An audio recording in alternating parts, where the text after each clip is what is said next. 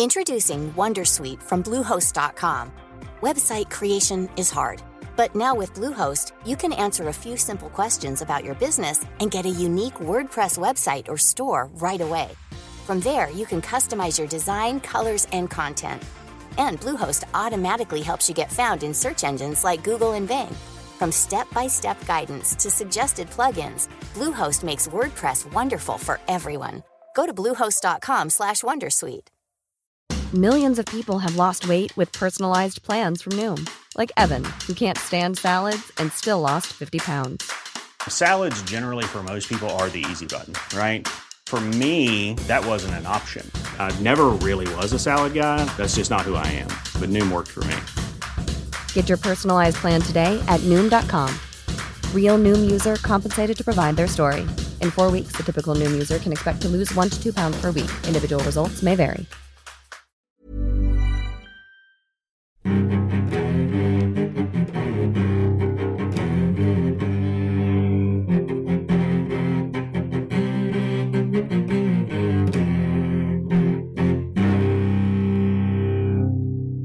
CSR-podden med Åsa Stenborg och Torbjörn Olofsson. Välkomna till CSR-podden där vi pratar om CSR och hållbarhet och ansvarsfrågor för företag. Och vi bjuder in personer som vi tycker är spännande och intressanta som vi vill eh, ha samtal med. Och idag så har vi pratat med Anders Wikman. Och vem är det Åsa? Oj, oj, oj. Det är en lång meritlista den här mannen har. Han är idag ordförande i Romklubben, en av två ordförande. Han är ordförande i Återvinningsindustrierna. Han är ledamot i Kungliga Vetenskapsakademin och Kungliga Skogs och Lantbruksakademin. Extra poäng för er som vet vad de gör. Jag är lite osäker själv. Han har varit generalsekreterare för Svenska Röda Korset och för Naturskyddsföreningen, riksdagsledamot tidigt i sin karriär och EU-parlamentariker och drivit den offentliga utredningen om upphandling. Och framförallt ska jag säga så är han en vital debattör i hållbarhets och miljöfrågan. Och så har han sommarpratat två gånger. Det är inte alla som har gjort det. Det är grymt för att vara Sverige. Ja. Och han har skrivit en bok med Johan Rockström också. Och som han väldigt många känner till. ska även skriva böcker, håller på att skriva böcker. Ja. Det här är ett vindlande samtal eh, ifrån Anders Wikmans olika områden. Det är det och det var spännande och roligt att ha honom här. Eh, Din meritlista den är ju ovanligt lång får man säga och du, du har ju gjort ovanligt mycket omväxlande saker. Du är före detta politiker, generalsekreterare på Röda Korset och EU-parlamentariker, du har FN-tjänst. Vi kommer att komma tillbaka till flera av de här sakerna. Men jag undrar så här, vad, vad drömde du om när du var barn egentligen? Nu ser Anders helt deprimerad ut när vi säger att han har en lång lista. Nej, det visar ju bara hur gammal jag är. Nej, det är väl något Nej att vara då, stolt över istället. Ja. Men- men Nej, jag, jag har haft en väldigt tur i livet att få göra, eller få se samhället från olika sidor. Men var det det här du drömde om när du var barn? Var det det du skulle bli? Alla de här rollerna? Nej, Alltså jag, jag, jag, kommer riktigt, jag kommer inte riktigt ihåg vad jag drömde om när jag var barn. Jag var, jag var, ganska, jag var ganska öppen för många olika möjligheter när jag började studera en gång. Och jag började med juridik och gick i väggen efter bara fyra månader och tyckte att det var dötråkigt. Och sen började jag studera statskunskap och ekonomi. Och, och sen så småningom blev jag indragen i studentpolitik och var knappt jag hann avsluta min examen. Och så var det igång. Ja, så var det igång. Vilken titel ger vi dig idag? Kan vi kalla dig för eh, miljödebattör eller vad, vad kallar vi dig? Ja, det kanske man kan göra. Och författare faktiskt. För jag Ja. skriver ganska mycket. Miljödebattör och författare Ja, går det under idag. ja. Ja, välkommen. Eller samhällsdebattör. Därför Ja, att du sagt att du inte vill miljöfrågan- vara miljödebattör. alltså miljöfrågan, den har ju hela tiden placerats i ett fack. Mm. Där ute i kanten någonstans. Och, och det är ju helt fel. Därför att den har ju att göra med våra ja, de livsuppehållande systemen. Eh, och det är ju ett väldigt nära samband mellan ekonomin och ekonomins sätt att fungera och det vi kallar för miljöfrågor. Eh, det är tyvärr så att människor i allmänhet inte riktigt ser det. Eller de ser inte den fulla vidden av det utan de tror att det fortfarande är en liten sektorsfråga och det är det inte. Samhällsdebattör Just det. blev det. Mm, vackert så. Du är en aktiv debattör i allra högsta grad. Jag tittar på dina tweets och du tweetar någonstans mellan tre och fem tweets om dagen. Eh, Det är extremt, en helt extremt hög nivå skulle jag säga. Och risken med hela det här samtalet är att vi svamlar bort allting efter det här. Om du skulle säga en viktig sak som du vill att lyssnaren på den här intervjun liksom tar med sig hem. Vad skulle det viktigaste vara? Ett enda budskap. Ja, det är väl att vi är väldigt lyckliga som har förmånen att, ha, att bo i och ha fötts i ett land där det är relativt sett lugnt, demokratiskt, välordnat. Uh, när vi ser oss runt om i världen så, så är det ju väldigt annorlunda på de flesta andra ställen. Och jag tror vi har en tendens att glömma bort att vi är jävligt privilegierade. Mm. Um, och att um, vi måste ta ansvar utanför oss själva. Och jag tror att det är en bra utgångspunkt. Med det privilegierade kommer en skyldighet. Absolut. Mm. Det var... Och det var någon av dem, det var någon av de, de, stora tänkarna som, som sa någon gång att man ska försöka sätta sig in i, man ska försöka ibland sätta sina fötter i den fattige skor så man förstår vad det är frågan om. Och, och det tror jag lite fler människor skulle göra. Eh, det, det är så lätt att um, hamna i ett vi dom och det är inte mitt ansvar. Och hela debatten kring flyktingmottagande och så vidare har ju väldigt mycket handlat om, inte i början men numera, om att vi har en kris här på hemmaplan. Eh, men krisen är ju framförallt i de områden varifrån de här människorna kommer. Så att eh, Ja, man, man, man, ja, ja, ja, ja, jag tycker det, det där förföljer mig hela tiden. Alltså vilken, vilken, vilken yndest det är att, bo här. Mm. Och skulle inte jag skicka mitt barn egentligen som ensamkommande flyktingbarn om jag hade det alternativet? Ja, Nej. bra, tack. Mm. Nu eh, vi tänkte att vi skulle titta lite på trender i hållbarhetsvärlden och om vi lägger lite fokus på de samtal som pågår kring klimatfrågan just nu. Så hur ser du på det? Tycker du att vi pratar om rätt saker och, och talar man på rätt sätt om de här frågorna? Ja, både ja och nej. Alltså, det är ju lätt att bli beskylld för att vara alarmist. Och är man alltför alarmistisk och pekar på problemen för starkt så, så ser folk, människor i allmänhet, ingen utväg. De ser inga möjligheter och då då ger de upp och bryr sig inte. Så det gäller att hitta en bra balans. Men det är klart att eh, riskerna som vi nu ser det på en massa olika områden på grund av att klimatet blir mer instabilt är ju, är ju stora och väldigt allvarliga. Och, och, samtidigt kan vi säga att klimatfrågan är bara ett symptom därför att vi överutnyttjar så mycket av naturens resurser rent allmänt. Och där klimatfrågan då har blivit en det kanske tydligaste därför att vi eh, mäter utsläppen regelbundet och vi har en regeringsprocess igång. Alltså alla länder är med i en process sedan 20 år tillbaka och, och, och debatterar det här och, och, försöker anta målsättningar och handlingsprogram och så vidare. Men, men det är ju lika allvarligt med eh, förstöringen av haven, utfiskningen, eh, biologisk mångfald, eh, jorderosion och förstöring av eh, matjord och så vidare. Det, det, det är så många mm. exempel på att vi, vi lever utanför naturens naturliga ramar mm. kan man säga. Men, men, samtidigt så är vi ju nu inne i en era av väldigt positiva miljöbudskap. Till exempel Svante Axelsson, han personifierar den väldigt mycket. Ja. Du har ju också eh, tidigare generaldirektören eh, Thomas Kåberg som pratar om solpanelsrevolutionen. Och ja. Eh, man, kunder ska nudgas, det vill säga de ska puttas i rätt riktning och du har Paris med frivilliga avtal. Och är, är positivismen klok egentligen eller, eller banaliserar den de här stora utmaningarna som du just pratade om? Jag satt med Svante Axelsson i morse. Mm, så du är positiv? I, i en nu. timme. Och, nej men alltså han är ju jättebra för det jobb han har, Fossilfritt Sverige. Och han ska ju verkligen peka på möjligheterna. Och, och komma fram till åtgärdspaket som lever upp till de här möjligheterna. Mm. Så att jag, jag, tycker han har hamnat väldigt rätt. Mm, men om vi inte bara, men, men jag, jag, bara jag, det är klart att utan... jag skulle inte beskriva verkligheten exakt som han gör. Men, men, det är väl bra att vi har många röster i kören. Mm. Och, eh, men jag, jag har ju väldigt svårt för närvarande att se hur, hur ekvationen ska gå ihop. Det har jag. Du är inte fullt så Nej, jag är, jag är, just nu jag är ganska pessimistisk därför att det går så rasande fort när det gäller eh, att utsläppen ökar halten av växthusgaser.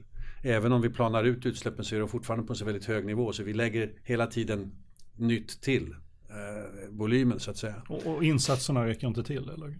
Nej, och det är ju så tröga system. Alltså. Och en, vi, vi har ju fokuserat väldigt mycket på energi. Och på elsidan händer det mycket som är positivt. Det gör det, även om det går för långsamt, men det gör det. Mm. Sol och vind bryter igenom och det, det trodde vi inte för fem år sedan att det skulle gå så snabbt. Men resten av energiförsörjningen som inte har med el att göra och vi kan inte elektrifiera allt. Det är ju fortfarande ett stort frågetecken. Och vad skulle resten då? Det är mycket transporter såklart och eh, Nej, materialtillverkning? Transporterna ska, ju, transporterna ska ju elektrifieras kan man säga. Ja, alla men, kommer väl inte nej, vara där. Men, men, eh, men alltså, det, vad är då resten? Bara så att vi... Ja, resten är ju materialförsörjning. Precis. Det är mm. hela infrastrukturen. Mm. Det är stål, cement, mm. aluminium, det är plast.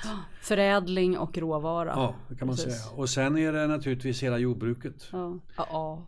Alltså bakom varje kalori på, på matbordet så är det 5-6 kalorier med fossil energi. Eh, och det gör ju att ehm, det, det, är en stor utmaning och det har vi inte börjat prata om. Alltså. Men är det lite som att vi står, jag fick bilden av att vi har någon som står framför ett tåg som håller på att rusar fram och vi ser tåget rusa och så försöker vi nudga den av rälsen med lite positiva tillrop just nu. Det är ju där miljövärden är. Vi håller på att lära oss att vara lättsamma och roliga. Är, är, det, en, är det en adekvat bild? Borde vi egentligen vråla jag, och kasta oss jag, istället? Jag, menar, jag tillhör ju den här miljövärlden och jag tycker att vi har varit dåliga på att eh, beskriva eh, vikten av att faktiskt utveckla ett nytt förhållningssätt mm. och en ny ekonomisk modell. Och ett nytt förhållningssätt eh, det skriver jag om i en bok som Ernst von Weizsäcker, tyske vetenskapsmannen och jag kom, kommer ut med om några månader på engelska. Den har faktiskt redan kommit ut i Tyskland och vi talar om en, en, en new enlightenment, alltså en ny upplysningstid. Ehm, vi, vi, vi, går tillbaks i historien och ser att upplysningstiden, vetenskapliga revolutionen var fantastisk. För plötsligt var det kunskap och vetande som gällde. Och, och demokratin växte fram parallellt och vi bröt kungarnas och feodalherrarnas makt och vi bröt kyrkans och påvens makt. Som jag hade byggt på myter och föreställningar som var allt annat än, än, än bra. Så det var jättebra. Men vi skapade också ett väldigt reduktionistiskt system. Mm. Där vi är väldigt bra på att analysera in i minsta detalj men det är väldigt få som ser helheten. Och det är helheten som är problemet. Mm.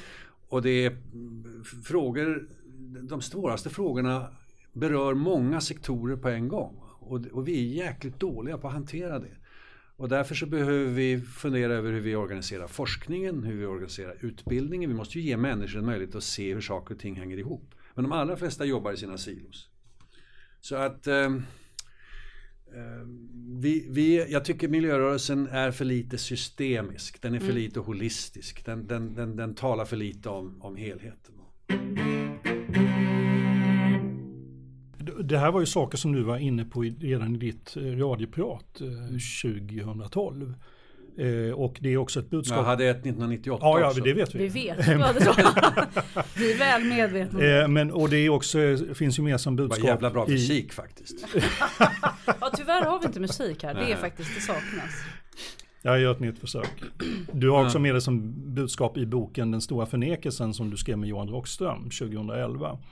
Eh, så du är väldigt tydlig med att vi behöver få ett nytt sätt att se på lönsamhet och tillväxt. Och du säger också att vi kan inte kalla någonting för lönsamt eller tillväxt om det urholkar naturtillgångar och ekosystem. Mm. Om jag citerar dig så säger du att den som talar om ständig tillväxt på ett ändlig planet är antingen en idiot eller ekonom. Mm. Det tycker vi ekonomer är väldigt, ja, väldigt tacksamma. Alltså, det, det, är inte, det, var, det är inte jag, det är Kenneth Bolding ja. som var en ledande ja, men vi, ekonom. Vi lät dig få det ja, citatet. Ja, men, eh, Tycker du att vi är på väg mot en ny paradigm inom det här? Nej, inte ännu. Men eh, det har byggts upp en väldig massa kunskap. Och det har byggts upp, eh, vi har haft en rad processer som har tittat på hur skulle vi egentligen mäta framsteg i samhället om vi inte mäter i BNP-mått. Mm.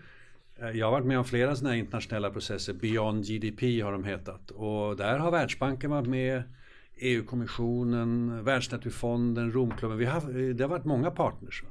Och även här i Sverige har vi haft mm. en, en, utredning på det temat. Så att, Tillväxtverket har utredning ja, så att, så att det, Men det har inte slagit Nej, än. Ingen slagit. av dem har slagit än ordentligt. Nej, därför, är det ekonomerna som inte stiger på? Vilka är det som ja, inte... det, men det är väl också det att vi har byggt hela systemet på att det ska expandera. Därför att eh, om det inte expanderar så får vi problem med pensioner och mm. socialförsäkringar och gud vet allt. Och det är klart man kan säga att en ekonomi som inte växer eh, den får naturligtvis problem eftersom vi hela tiden har en viss produktivitetsökning. Det kommer in ny teknologi som gör att det är effektivare att göra grejer och, och erbjuda tjänster och då blir folk över, de får inga jobb och så vidare. Så det är en komplex materia.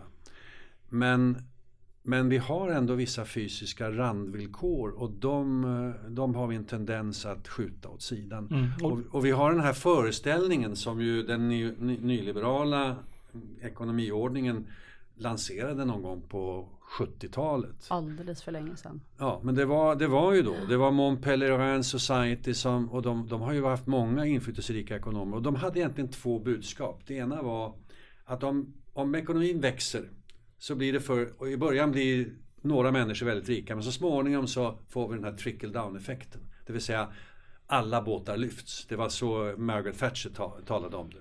All boats will be lifted by growth. Så är det ju inte. Vi ser ju nu, och Piketty har ju visat det, att, att det finns ingen automatik i det här. Utan det krävs ju en jäkla massa politik. Skatter och annat för att se till att man får en viss omfördelning av de här pengarna som hamnar väldigt ofta hos de rikaste. Och kapital ackumulerar ju. Har jag mycket pengar och investerar det klokt så, så blir jag ännu ännu kapitalstarkare. Medan de som inte har några pengar de, de hamnar efteråt. Så det är det ena. Och det andra är den här idén. Va?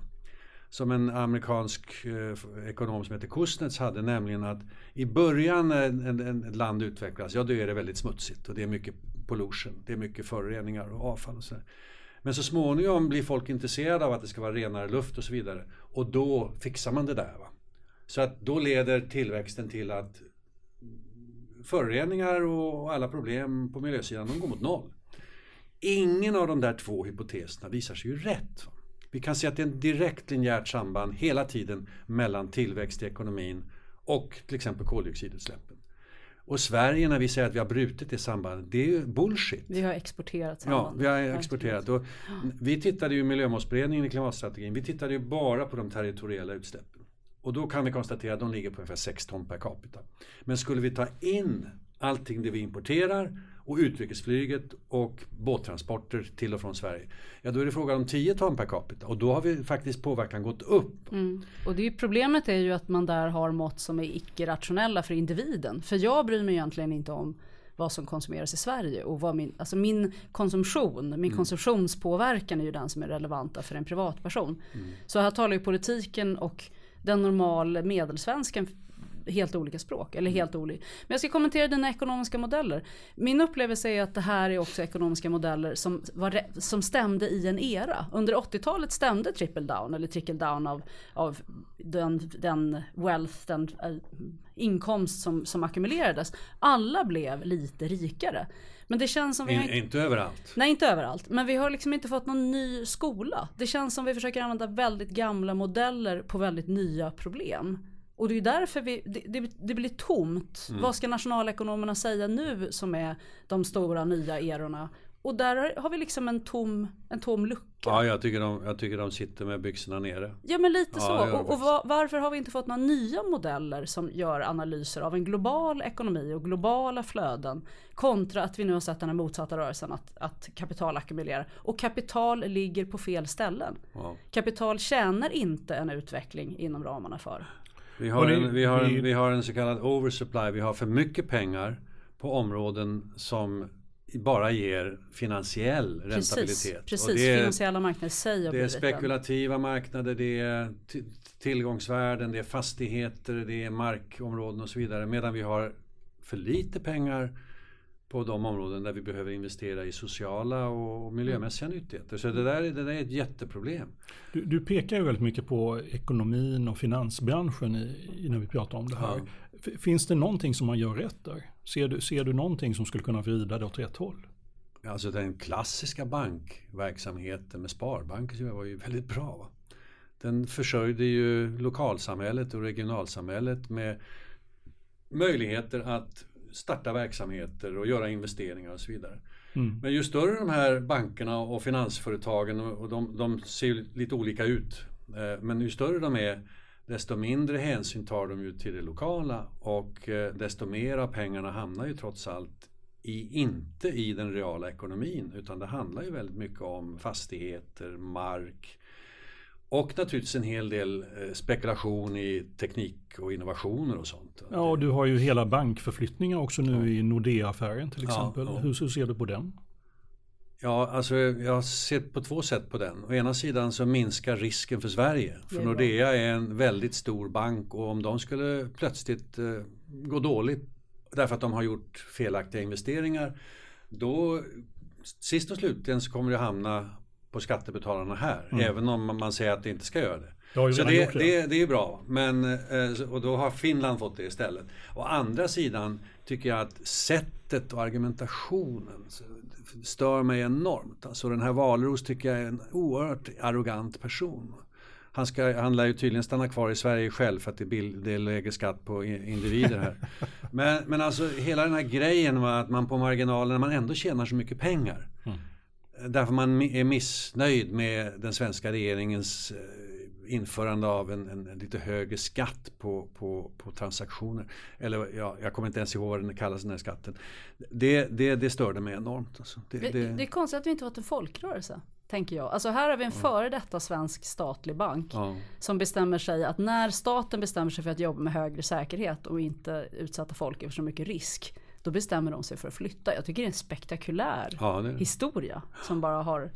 Ja, ja ni är överens om det. Vi har ingen i rummet som säger emot. Okej, okay. Eh. du har sagt så här. Men det här med, med, med, det här med ekonomin. Alltså, varför har vi inte en bättre ekonomi? Alltså, om jag läser Piketty Mm. Jag har inte läst den tjocka. Det är kapitalet. kapitalet ja. ja. Mm. Men jag har läst, det finns en kort sammanfattning på engelska. På det är väl den 67. de flesta av oss ja. har läst. Just det, men ja. där står det ju väldigt tydligt att han menar att kapitalismen har en inneboende kraft att leda till större skillnader och att perioden mellan 1931 och säg slutet på 70-talet var exceptions, var, var undantag. Därför då behövde man efter den stora depressionen på 30-talet så behövde samhällena gå in och verkligen stötta alla människor och få igång verksamhet igen. Så för det höll på att ramla upp som ett korthus. Och då jämnades skillnaderna ut. Kriget förstörde otroligt mycket och även då behövde man bygga upp och satsa på kollektiva lösningar. Och väldigt många stora förmögenheter slogs sönder. Medan vi nu då efter 1980 och framåt är på väg där vi var i princip på 1920-talet, nämligen att de rika blev rikare och de fattiga blev i alla fall inte Rikare? Nej, Nej definitivt inte. Eh, sen är det ju... De extremt fattiga blir ju rikare. Ja. Där har vi faktiskt, det måste vi. Men... Ja, om man nu ska tro statistiken. För att eh, Världsbanken hade länge 1,25 dollar per dag som fattighetsgräns. Mm. Eh, och den lade man fast 1991. Mm. Och den ändrade man först 2009 eller om det var 2010. Och man flyttade upp det till 1,90 dollar per dag och capita. Jag tror den skulle ligga på 2,50 eller 3 va? och då, då har den här lyftet inte varit fullt lika imponerande. Men, men, eh, men det är klart det har hänt mycket och, och i Kina har ju, har ju verkligen, där, där har ju mycket skett. Mm. Där har vi fått en medelklass som tidigare var väldigt, väldigt fattiga. Så att, menar, det är ju inte så att allting är, är svart eller, eller, eller grått utan det, det, det är ju en hel del som är, som är mycket positivt. Men, men jag tycker ändå att ekonomisystemet och ekonomimodellen den, den har på något sätt inte riktigt tänkt med. Och sen kan man möjligtvis säga att politiken har blivit mindre visionär, mera kortsiktig. Vänstern har i princip fallit ihop som ett korthus va, i stora delar av världen. Det är väldigt egendomligt i ett läge när, när, när folk i gemen känner otrygghet och, och är rädda för sina jobb och så vidare att de då går så långt ut till höger som de gör nu då i Österrike mm. och i Tyskland och, och i, i, Norge och i USA. Kan väntas göra även i Sverige. Men, men är det inte för att det är tydligare löfte på den kanten? Populistlöftet ja, är ja, tydligare. Vi kommer att förändra din tillvaro. Det beror på de här sakerna är fel. Det är väldigt enkla lösningar. Ja, ja men de enkla lösningarna funkar ju aldrig. Och det vet vi. Och dessutom kan vi ju inte gå tillbaka. Vi är på väg framåt med en väldig fart på grund av teknologiutvecklingen. Så att de här bruksorterna som har tappat jobb, de kan ju inte få tillbaka samma jobb. Även om vi skulle återindustrialisera Europa eller Sverige som man talar om ibland. Det blir inte massa jobb utan det kommer att vara hel, helrobotiserade fabriker. Jag läste en fascinerande artikel i någon av de engelska tidskrifterna häromdagen om det. Alltså det, det, det kommer nog att gå att tillverka väldigt mycket som idag tillverkas i verkstaden i Kina kommer nog kunna tas tillbaks till Europa och tillverkas nära hemma. Därför att tekniken möjliggör det. 3D och så vidare. Eh, men det kommer inte bli massa jobb. Det kommer bli andra jobb och inte massa jobb. Nej. Men absolut. Du har sagt också att stor kris kommer, kommer vilja till förändring. Och givet vad vi har pratat om nu som inte är så muntra, Ja. inte så muntra drag. Men jag tänkte också på EU skakas av att Storbritannien lämnar EU, Mm. bestämmer att lämna ämna. Donald Trump kan vi inte låta bli att prata lite om, för det är ju ett skräm, skrämselhicka. Är vi på väg, är krisen så djup så att vi kommer till förändring? Vad tror du? Eller måste vi åka längre ner? Ja, Liksom? eh, Ja, jag tror, ty, tyvärr tror jag det. Vi ska halka längre ner. Ja, jag tror det. Ja, det verkar så. Eh, Men jag tycker eh, USA är ju...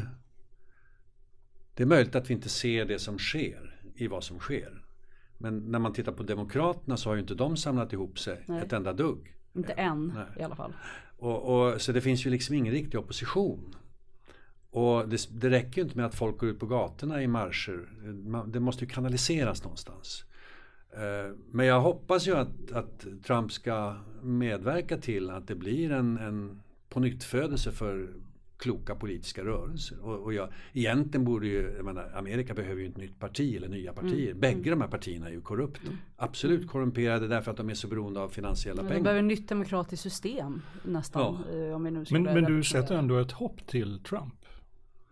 Nej, det gör jag ju inte. Men, Du sa men, du hoppas att Trump ja, ska... alltså, alltså reaktionen blir så stark. ja, du menar antitesen mot honom? dålig, Alltså. så att Men alltså jag, jag, jag, jag vågar nästan inte säga det därför att då kan, det är precis som du nu tolkar det va? Att, att jag tycker att han på något sätt är bra. Nej, en av de saker jag tycker är allvarligast och det skrev Jenny Norberg om. Och jag tror även Björn Wiman skrev. Båda de två skriver jävligt bra tycker jag. Både i DN och Svenskan. Och då, Jenny skrev om det här med de här, alla de här psykiatrikerna och psykologerna som nu kommer ut med en bok. Och som på håll då har gjort ana- analysen att karln är galen. Mm, jag diagnoserar Ja. honom. Eller att han i vart fall inte har den mentala statusen att han borde vara president. eh, och Björn Wiman skrev någonting liknande. Men bägge två var också inne på det här att det som händer när presidenten i världens största ekonomi beter sig som han. Det blir att man får någon slags normalisering av eh, ett beteende som vi bara för ett år sedan skulle sagt det där, det där hör inte hemma i ett, ett, eh, ett vettigt samhälle. Men, men nu, varenda dag kommer ju någonting. Eh, han är oförskämd. Han ljuger. Eh, han eh, hoppar på folk eh, utan vidare. Han är narcissistisk, han är upptagen av sig själv. Alltså det är så många Han är drag. oförutsägbar Det är så många drag som är så obehagliga. Och, och att en sån, alltså det var ju, men, men du har ju flera sådana. Du har Erdogan. Han är ju lite li, likadan. Du har den här killen Duterte i Filippinerna. Du har Modi i Indien. Det, det, det är ganska, på ganska många ställen vi har den här typen av populister som utnyttjar eh, läget så att säga. Mm. Du, vi återvänder lite mer till eh, vår egen vardag lite grann. Eh, Nej, vi blir mycket mer glada nu. Nu Ja. kommer vi bli glada. Nu kommer det komma ett favoritämne. Sedan 2013 så är du ordförande i återvinningsindustrierna. Och det är ju en central bransch för att vi ska kunna realisera cirkul- cirkulär ekonomi. Och det pratas ju väldigt mycket om cirkulär ekonomi. Men hur nära är vi egentligen? Nej, vi är ganska långt bort från det därför att eh, fortfarande är det ju så att det är billigare för dem i de allra flesta sammanhang att använda jungfruliga eller virgina råvaror jämfört med att använda andrahandsmaterial. Och det i sin tur beror på att även om vi samlar in en massa plast eller eh, elektronik så är, det så, så är det så designat. Alternativt det är inte standardiserat så det går inte att göra särskilt mycket av det. Och, och det här är pudens kärna och jag tror inte att politikerna riktigt har fattat det utan de talar fortfarande om att vi ska höja återvinningsprocenten och sådär. Och Karolina Skog hon talar ofta om att eh, kommunerna måste få en tydligare roll. Eh, ja, jag har inget emot kommuner men jag tror att eftersom vi talar här om att vi ska åstadkomma någon form av efterfrågan på andrahandsvaror, ja då, då måste det ske på en marknad och jag tror inte att kommunerna är kanske de bästa aktörerna där utan, utan det, här borde, det här borde ju skötas av, av företag. Vi har haft mycket diskussioner med, med typ Ikea och sådär. Och, och, ifrån återvinningsindustrierna och, och de söker med ljus och lykta efter att hitta vägar mot någonting som är mer hållbart. Men de säger precis som vi, om vi inte får eh, kriterier på EU-nivå som helt enkelt säger vad är det för produkter man får sätta ut på marknaden. De måste vara lätta att återanvända och återvinna. Och eh, se till att man röjer upp till exempel på plastområdet. Det finns för många olika plastsorter. Mm. Eh, koncentreras på tre, fyra och, och, och, och, så kan vi ta hand om dem på ett bra sätt. Vi kan separera dem i, i, i utsorteringen eller i, i um, återvinning och så vidare. Så vidare. Introducing Wondersuite from Bluehost.com. Website creation is hard. But now with Bluehost, you can answer a few simple questions about your business and get a unique WordPress website or store right away. From there, you can customize your design, colors, and content. And Bluehost automatically helps you get found in search engines like Google and Bing. From step-by-step guidance to suggested plugins, Bluehost makes WordPress wonderful for everyone. Go to bluehost.com/wondersuite. Millions of people have lost weight with personalized plans from Noom, like Evan, who can't stand salads and still lost 50 pounds. Salads generally for most people are the easy button, right? For me, that wasn't an option. I never really was a salad guy. That's just not who I am. But Noom worked for me. Get your personalized plan today at Noom.com. Real Noom user compensated to provide their story. In four weeks, the typical Noom user can expect to lose one to two pounds per week. Individual results may vary. Cool fact a crocodile can't stick out its tongue. Also, you can get health insurance for a month or just under a year in some states. United Healthcare short term insurance plans, underwritten by Golden Rule Insurance Company, offer flexible, budget friendly coverage for you. Learn more at uh1.com. Om, om du får lista de tre största hindren som vi måste passera för att nå till ett cirkulärt tillstånd. Vad, vad, vad ja, det, det första är ju då att det är i stort sett gratis att utnyttja naturresurser. Det, det, som, det som kostar det är ju arbetskraft och maskiner och sådär. Mm, men, det är ett hinder. Du, men du kommer ju du, du, du, får ju ta upp malm och så vidare om du äger fyndigheten utan vidare. Du betalar ju egentligen ingenting för, för, för eventuell påverkan. Och det skulle man stoppa? Nej, man, skulle man, man, ska ha någon form av råvaruskatt tycker jag. Alltså. Eh, det är svårt därför att hur, hur, hur får man det att funka i en global ekonomi säger folk då. Och så kapitulerar de. Men men ska vi, ska vi förstöra planeten innan vi inför den? Alltså det, vi, vi måste göra någonting för att, för att det ska löna sig då för marknadens aktörer att söka efter andrahandsmaterial som är billigare. Mm, det var en. Ja, det, det, det andra är att, och, och, det skulle få mycket att hända. Mm. Om vi till exempel hade en hög koldioxidskatt så fort du genererar koldioxid så skulle mycket av det här hända av sig själv. Därför att när du återvinner metaller, plaster och så vidare så sparar du mycket energi. Och mycket av den energin är fossil och, och den genererar koldioxid så du, du, du reducerar dina kostnader. Så, så, det skulle vara det bästa. När vi nu inte har fått det, då behöver vi designkriterier. Jag menar, ta den här Apple-datorn här. Mm. Eh, du kan inte ens byta batteri. Och det är väldigt svårt att återvinna och återanvända grejerna där. Och den blir alltså sönderhackad och sen utvinner man då första hand guld och koppar. Det, det, är i princip vad som händer. Och det innebär ju att du slänger bort väldigt stora värden. Men så länge företagen kan hålla på sådär och tjäna mera pengar genom att man byter ofta. Men jag tycker man skulle vända på affärsmodellen då och hyra ut den här istället. Då blir det intressant för tillverkaren att tjäna pengar så länge som möjligt och då tillverkar han eller hon det nog på ett annat sätt.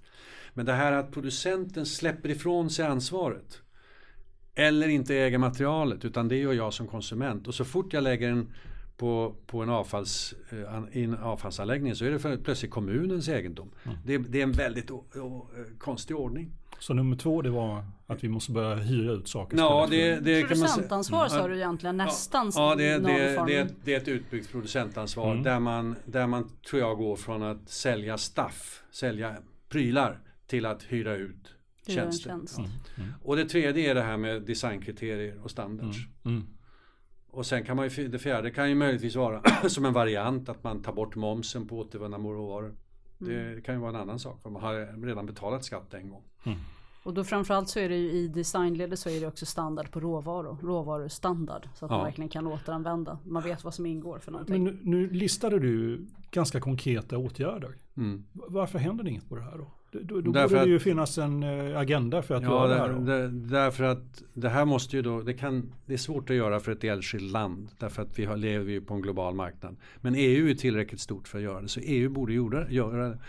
EU-kommissionen la ett förslag på bordet i eh, december 2015. Det har gått två år och det har inte hänt särskilt mycket.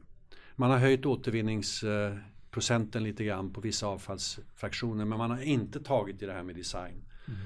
Och man har inte tagit i det här med momsen. Eh, Och man har ju inte några planer på någon råvaruskatt. Inte. Är vi tillbaka i att man inte har förstått? Eller vad är det som gör att man inte gör det? Jag tror att man.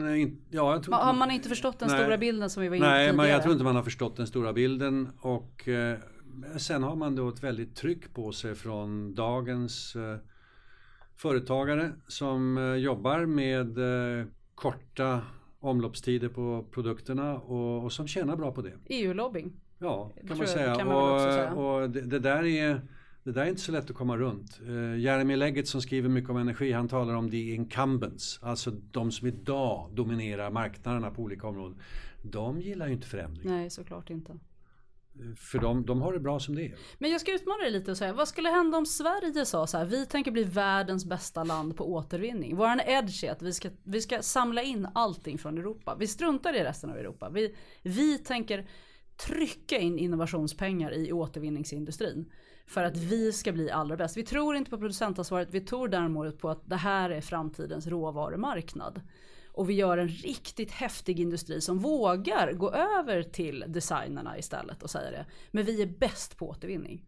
Det är precis som Apple är bäst på att göra sin dator så tänker vi bli bäst på att påverka Apple. Och kanske till och med att det finns en win för Apple. Av att vi tänker till och med finansiera en bit av er omställning. För vi ser att om vi kan få det här råvarorna down the line. å- återvinningsindustrierna har, för det första, de tjänar inte mycket pengar, de har inte de pengarna.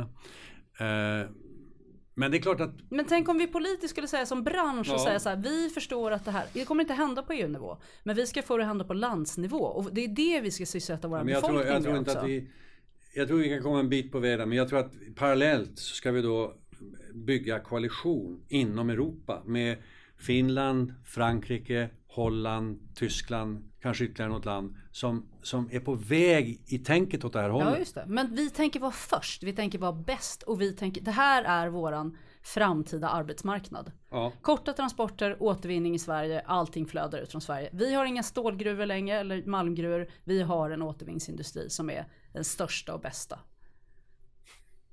Ja, men det, vi, det, vi, vi, vi kan göra en del, men alltså... Nej, det vill han inte så. Nej, alltså Ja. för att... Nej, Men jag, det blir så passivt hela tiden för vi hamnar Du alltid vill ha i det här. så. Nej men jag, vi hamnar alltid i det här. Jag tycker vi handlar en massa moment 22 för vi handlar Ja. ju första i så här. Vi kan inte göra det, vi måste ha EU, vi måste ha världssamarbete. Okej, då har vi liksom plottat bort bollen ett steg där. Istället för att säga så här, rent teoretiskt om man fattar den här stora bilden. Det finns ju enorma affärsmöjligheter i det. Och ja, jag ser ju hindren. Jag ser inte riktigt lösningen producentansvaret därför att på något sätt, de är bäst på sitt.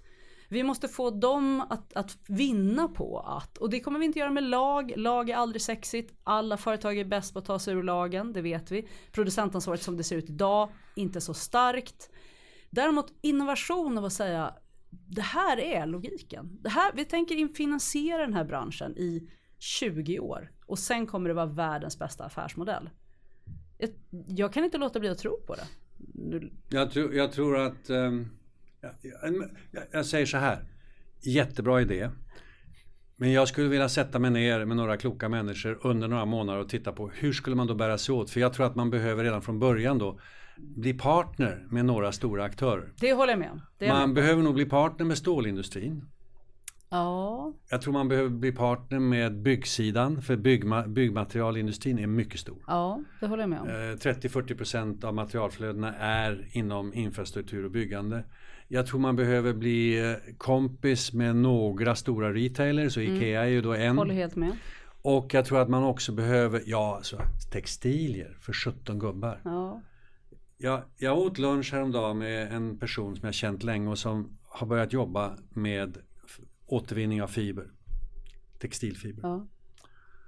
Och vi började prata och jag sa hur går det där? Ja, jo men vi är på väg sa han och, och det blir större och större och det är intressant och, och det är en enorm marknad. Ja, så jag berätta hur stor är det? Ja, sa han, det, det tillverkas ungefär 100 miljoner ton textilier i världen varje år. Eh, vet du hur mycket som säljs av det där och hamnar hos kunder, sa han. Nej, så jag inte en aning. Ja, sa han, någonstans mellan 50 och 60 procent. Vet du vad som händer med resten? Nej, sa jag. Jag, har ingen, nej, jag hade inte tänkt på det. Liksom. En del kanske går till insamlingar, vad vet jag. Det mesta destrueras. Mm, absolut, bränns. Det blir värme i och för sig, men det är den andra ursäkten. Ja, ja, men alltså det, vilken kapitalförstöring. Mm, Därför att de här stora firmorna vill inte ha ut grejer som inte är sålda på någon andrahandsmarknad. Mm. Jag, jag, håller, jag håller så, med. Att, så att jag tror att man måste samarbeta med dem då för att, för att möjligt. Och det som är intressant med Sverige, även om vi är små, det är att vi har ett antal multinationella företag med bas i Sverige som har huvudkontor här. Så vi skulle kunna göra inbrott, i alla fall i vissa sektorer, det tror jag. Definitivt, och jag, sk jag skulle ge dig rätt på alla de du skulle samla runt bordet utom stålindustrin. Därför att precis som du sa, de som idag är vinnare, råvarutillverkarna som idag är vinnare på det här, de kommer ju motsätta sig det här. Och de kommer inte råd att investera, de, några av dem kommer men, investera. Ovako Steel till exempel, de använder nästan bara återvunnen. Ja men då är det utvalda ja. verkligen. Och så kanske ta en ström och så jobba hårt på den och säga vi tänker göra det här till en framtidsbransch. Nu tänker jag byta ämne. Det var roligt att prata cirkulärt, det borde vi göra mer. Men vi, det ska vad? vi göra mer men, också. Men vet du vad? Det som är intressant är att om du på pappret räknar ut vad skulle det kosta i extra kostnad att göra stål helt koldioxidfritt. Mm. Vare sig vi nu talar om CCS, det vill säga mm. fånga in koldioxid och mm. stoppa ner den i backen. Mm. Eller tänker oss att vi producerar inte med eh, kol och koks utan vi har vätgas som reduktionsmedel. Ja, då har man mellan tummen och pekfingret sagt stålet blir 40% dyrare. Mm. I grossistledet. Och det är svårt då för någon som säljer över hela världsmarknaden att konkurrera. Men om du sen går eh, som detaljist eller konsument och ska köpa en bil så blir bara den bilen någon tusenlapp eller två Absolut. dyrare. Mm. Därför att stålet är en sån liten del av hela kostnaden för bilen. Och då säger jag, då borde man väl kunna fixa det där. Alltså. Det borde väl ekonomerna Hur tänker du då? Att, att bilindustrin du då subventionera stålindustrins åtgärder? Eller? Ja, men fastnar du inte i loopen så nu måste vi hacka sönder ditt förslag innan. Så här, en bro, ett mm. hus. Då kan vi inte ha de marginaleffekterna. På en bil, jo, därför att bilen nej, är mycket alltså plast ett, också. I ett hus, ett hus, cement. Det är våningen, som är den stora. Vågen, våningen skulle bli 100 kronor dyrare okay, per kvadratmeter. Okay. Men om vi tar Och bron, den kostar redan 15-20 tusen. Den stora bron då? Där måste vi få enorma effekter. Ja, ja, det var Jo men alltså poäng, po poängen är att i konsumentledet ja, kan ja. man relativt enkelt absorbera den extra kostnaden. Och då stämmer plötsligt det här att en omställning kanske kostar ett par procent av BNP. Men inte men, mycket mer. Nej, men, men, men, men kostnadsskillnaderna är så olika på olika nivåer i ekonomin. Såklart. Okej, offentlig upphandling. Eh, 2010 så fick du ansvaret för upphandlingsutredningen. Eh, och då ska du se över regelverket på offentlig upphandling ur samhällsekonomiskt perspektiv. Och 2003 la ni fram eh, utredningen Goda affärer, en strategi för hållbar offentlig upphandling. Eh, vi vet att det är en sten i skon att skattepengar handlar på pris och inte alls på hur saken är gjord. Det blir pinsamt nästan när man tänker färdigt den tanken. Eh, vad, har, vad, vad tyckte du var det viktigaste ni kom fram till i utredningen? Ja, det viktigaste var ju att, att vi måste flytta perspektivet från lägsta pris till att göra nytta.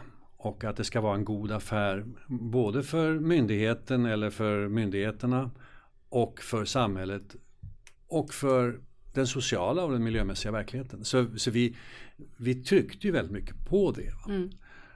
Um, och vi såg ju till, eller har sett till tillsammans med det nya EU-direktivet att lägsta pris är inte längre normen. Utan, utan det, man, ska ha, man, ska ha, man ska ha kvalitet för, det, för pengar man lägger ner. Mm. Nu är vi fyra år senare och tycker du att det har gått, har det landat? Har det hänt bra saker sedan dess? Ja, det har hänt bra saker men det går väldigt långsamt och det tror jag beror på att de som är upphandlare de har vant sig vid ett system där de behöver vara försiktiga. Eh, inte ta några risker, framförallt inte att hamna i domstol. För så Precis. fort man går ifrån lägsta pris så riskerar man att, hamna i, i domstol. Det blir överklagan. Och då får man smält på fingrarna av, av, sin, eh, av sin ledning. Mm, för då blir allting försenat Ja, framförallt. ett Så att, så att det där rädslan där, eh, och den vet jag inte riktigt hur man har tagit tur med. Vi föreslog att man skulle satsa mycket pengar på utbildning Mm. av upphandlarna. Vi föreslog att man skulle ha en särskild myndighet, det har vi fått, Upphandlingsmyndigheten. Den låg ju tidigare på Konkurrensverket Mm. vilket var milt sagt korkat. Mm. Ehm, och, eh, ehm, och sen föreslog vi också att vi behöver mera forskning. För att vi vet för lite fortfarande om väldigt mycket av det här. Ehm, jag tycker att Ardalan Shekarabi verkar vara rätt minister för det här. För han kan det här, han har forskat på området. Och det känns som han är på, på rätt spår. Men det är tröga processer. Alltså. Mm, det tar för lång om tid. jag, hade skrivit, om jag hade skrivit den idag Mm. Då hade jag ju föreslagit att det som nu är ett bör-krav, att man bör ta sociala och miljömässiga hänsyn. Det, det hade ju stått ska. Mm, istället. Ja, jag var för, jag var för feg där. Häromdagen så råkade jag påstå att eh, jag tror att det råder i princip politisk konsensus kring de här frågorna. Ardalan Shekarabi gör en massa saker men jag tror att nästan alla partier står bakom att offentliga medel måste även titta på andra saker. Håller du med om det? Så jag fel eller?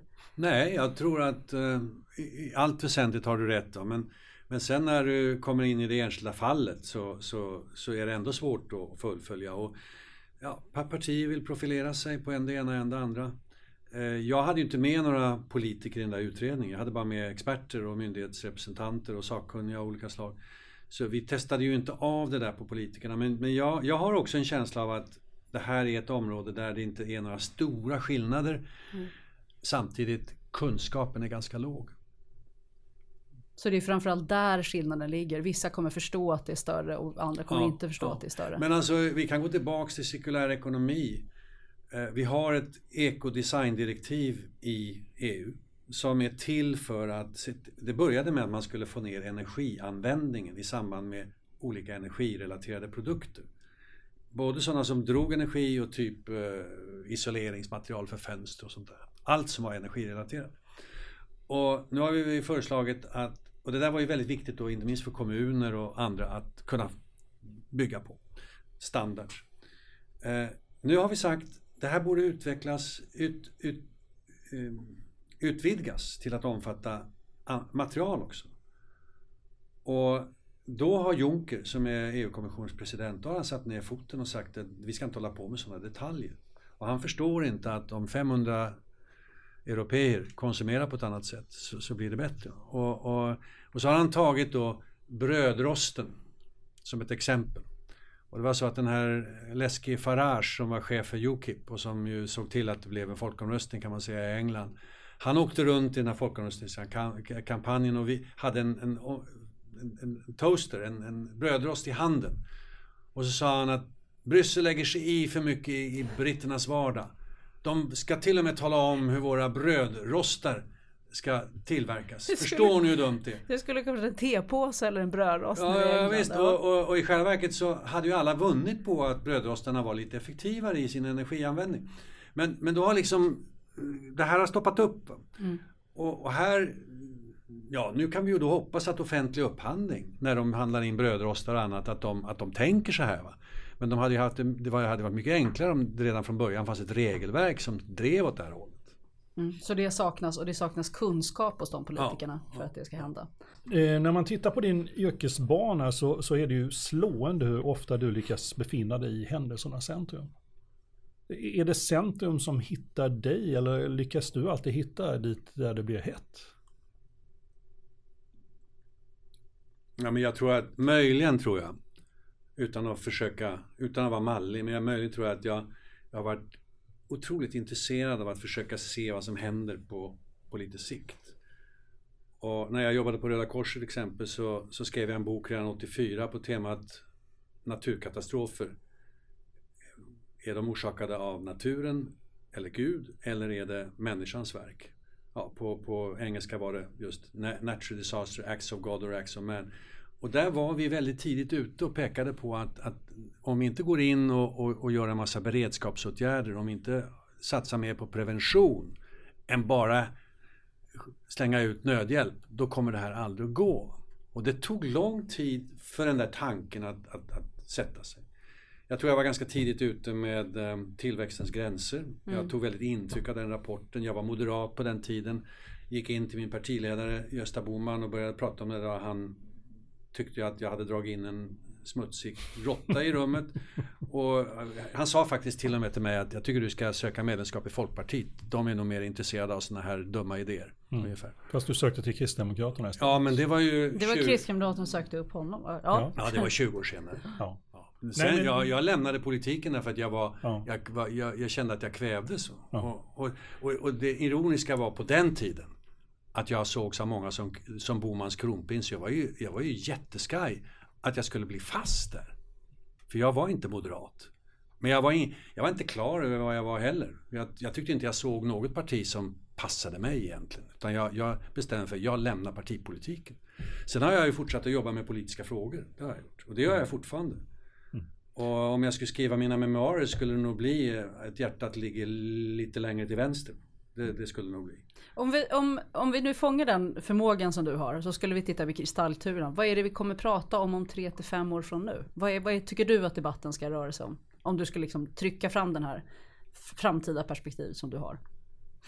Vilken är den nya jag tror, frågan? Jag tror den, den stora debatten om tre fyra år kommer att vara digitaliseringen. Alltså hela den artificiella intelligensen, robotiseringen och vad den, vad den leder till och vem som äger våra data. Det tror jag kommer att vara den absolut största frågan därför att vi, det finns nästan ingen politiker som jag har i alla fall lyssnat på som har, som har grepp över det här. Utan, utan det är en utveckling som bestäms av några jättestora företag med enormt mycket pengar och några miljardärer.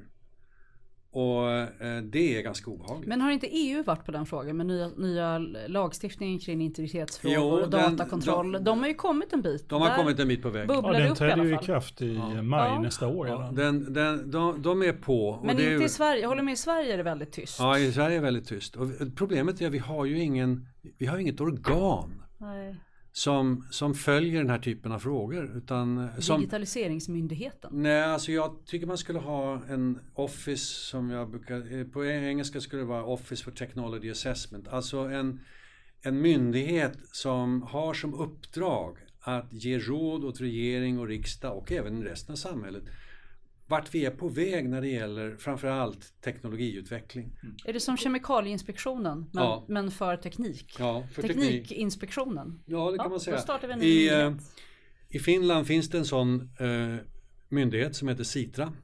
Och uh, Sitra är det, på engelska kallar de sig The Finnish Innovation Fund. Jag sitter i deras rådgivande internationella styrelse så jag träffar dem ett par gånger om året. Otroligt intressant. Och de, och de jobbar med den här typen av frågeställningar, långsiktiga frågeställningar. Ser du att den här frågan kommer att dyka upp i valrörelsen nästa år? Det tror jag inte. Vad, vad är det för stora eh, frågor som kommer komma i valet? Eh, det som möjligen kommer upp i valrörelsen det är effekterna på arbetsmarknaden. Alltså jobben. Mm. Uh, och där är fortfarande ett stort frågetecken vad som kommer att hända. Det är, där, där, där, går experterna liksom på tvärs. Men, men, vad ser du för andra viktiga frågor? Vad, vad, tror du? Du har ju varit i flera olika partier. Ja, alltså migrationsfrågorna och... kommer naturligtvis att vara stora. Mm. Uh, jag tror att um, vård, omsorg av olika slag, uh, vi får fler och fler äldre, de, de frågorna kommer att vara stora. Jag tror att um, det här med innovation på olika sätt, hur, vad, vad, har samhället för redskap för att gynna innovationer kommer att vara en ganska stor fråga. Um, jag hoppas ju att klimatfrågan kommer att vara hyggligt stor. Men du är tveksam? Nej, jag, jag, jag, jag ser inte riktigt ännu vad... Alltså jag tycker att det, det, det sker ganska mycket som är lovande. Fossilfritt Sverige under Svante Axelsson kommer nog lägga fram en rad förslag. Den nya klimatlagen ger en bra plattform, men vi måste gå vidare och börja mm. implementera. Och där ser jag att där, där händer det för lite. Men, men det är mer i det operativa, men frågan är om det blir en valrörelsefråga. Är det, är det någonting som partierna kommer att ta poäng på? Vet ej. Nej. Får jag fråga dig, vi, vi driver ju en annan liten teori här i CSR-podden och det är att, att det finns mycket mer att lära av misslyckanden än av goda exempel. Det brukar vi plåga alla våra gäster med att fråga. Och då ställer vi också frågan, har du något misslyckande som du kan dela med dig av som vi kan dra positiva erfarenheter av? Gör inte det här, för det gjorde jag. Alltså jag tror man ska, man ska, dra, man ska dra lärdom både av misslyckanden. Det, det, det är ju jätteviktigt, jag håller med om det. Men det är klart att goda exempel är också väldigt viktiga. Man, man behöver inte uppfinna hjulet på nytt. Utan, och det är därför när jag nu till exempel tittar på hur ska vi hantera det här med cirkulär ekonomi? Ja, då, då försöker jag skaffa mig en uppfattning. Hur gör de i Tyskland? Mm. Hur gör de i Holland? Hur gör de i Frankrike? Där, där är mycket på gång som man kan lära av. Mm. Misslyckande. Eh... Ja, du gav ju ett. Det var att du inte satte skallkrav när det gäller ja, det, ja, det, det, det, har du redan sagt faktiskt. Det, det, var en miss. Sen var det väl kanske Alltså jag ångrar inte Jag ångrar inte åren i Europaparlamentet för jag lärde mig enormt mycket och jag tror jag gjorde en viss nytta i olika frågor. Jag kunde puffa lagstiftning åt rätt håll. Men jag var väl egentligen inte 100% kristdemokrat. Utan eh, jag, jag, gick in därför att jag fick en, ett erbjudande att göra nytta i Europa. Och, och det var ett svårt val och jag, jag tackade ja för jag såg att motivet faktiskt var att jag tyckte mig se att klimat och miljöfrågor höll på att bli väldigt mycket höger-vänsterfrågor. Och då tyckte jag att det är väldigt viktigt att det finns några på den icke-socialistiska kanten som driver det här. Och ehm, ja, så att jag, jag kanske... Så, jag, jag, så vad landade vi? Att det var ett misslyckande att du nej, blev kristdemokrat? Det var, nej, ja det var ett... Det var, jag tror att det var ett, lite grann ett snedsteg därför att jag, jag jag hade så att säga lämnat partipolitiken därför att jag inte kände mig riktigt bekväm i den. Mm. Och så försökte jag gå in i den igen och, och, då kände jag mig obekväm. Och, och nu kan jag då se att var jag 10-15 år yngre så skulle jag säkert försöka igen att gå in och påverka. Kanske starta ett nytt parti, vad vet jag. Eh, men, men nu är jag inte 10-15 år Du tycker det är för sent att ja, göra det? Ja, ja, Sen beskrev du det faktiskt då, i, i, när, i sommarprat så beskrev du det som att du hade ett möte med Alf Svensson där du kände att värderingarna er emellan överensstämde också. Det kändes som ett personligt möte mm. som också gjorde att du blev... Ja men det var det. var det personliga förförandet av att det här är en person som jag kan tänka mig att jobba och jag, med. Alltså, vi tyckte inte likadant på, på alla områden, tvärtom. Men, men hans, eh, ska vi säga det, Hans betoning av etik, människors lika värde och att vi har ett ansvar för skapelsen som han uttryckte. Mm. Jag tyckte det var väldigt bra och jag tycker fortfarande att det är bra. Och jag har ju träffat massor med goda kristdemokrater. Eh, men det är klart att om jag tittar tillbaks på mitt liv så var det lite grann en, eh, en, sido, en sidodörr.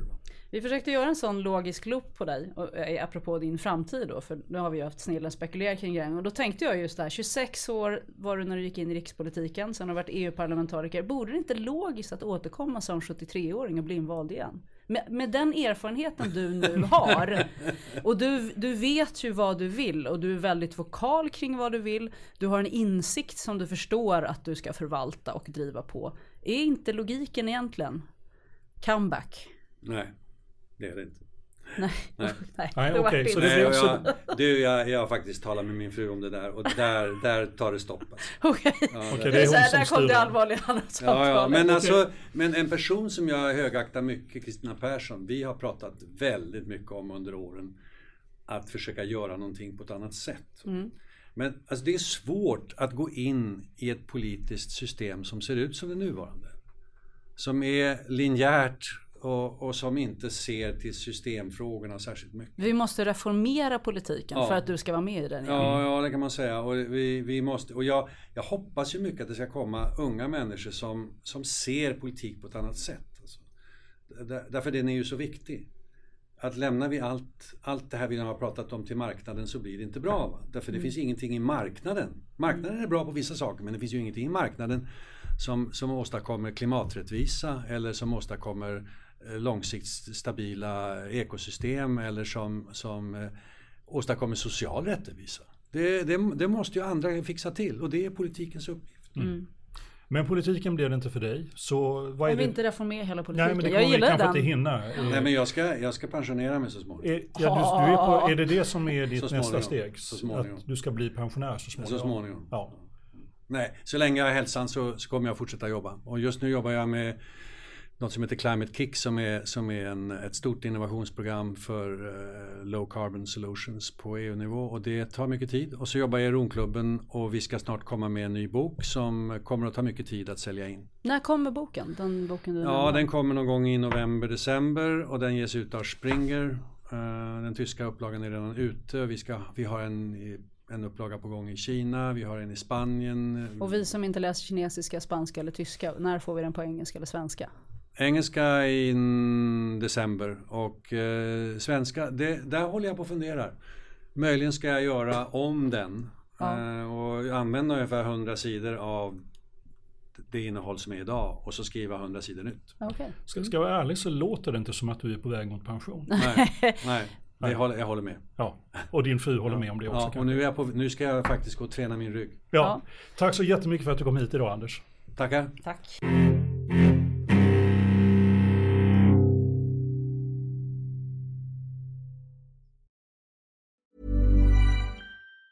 Tired of ads barging into your favorite news podcasts?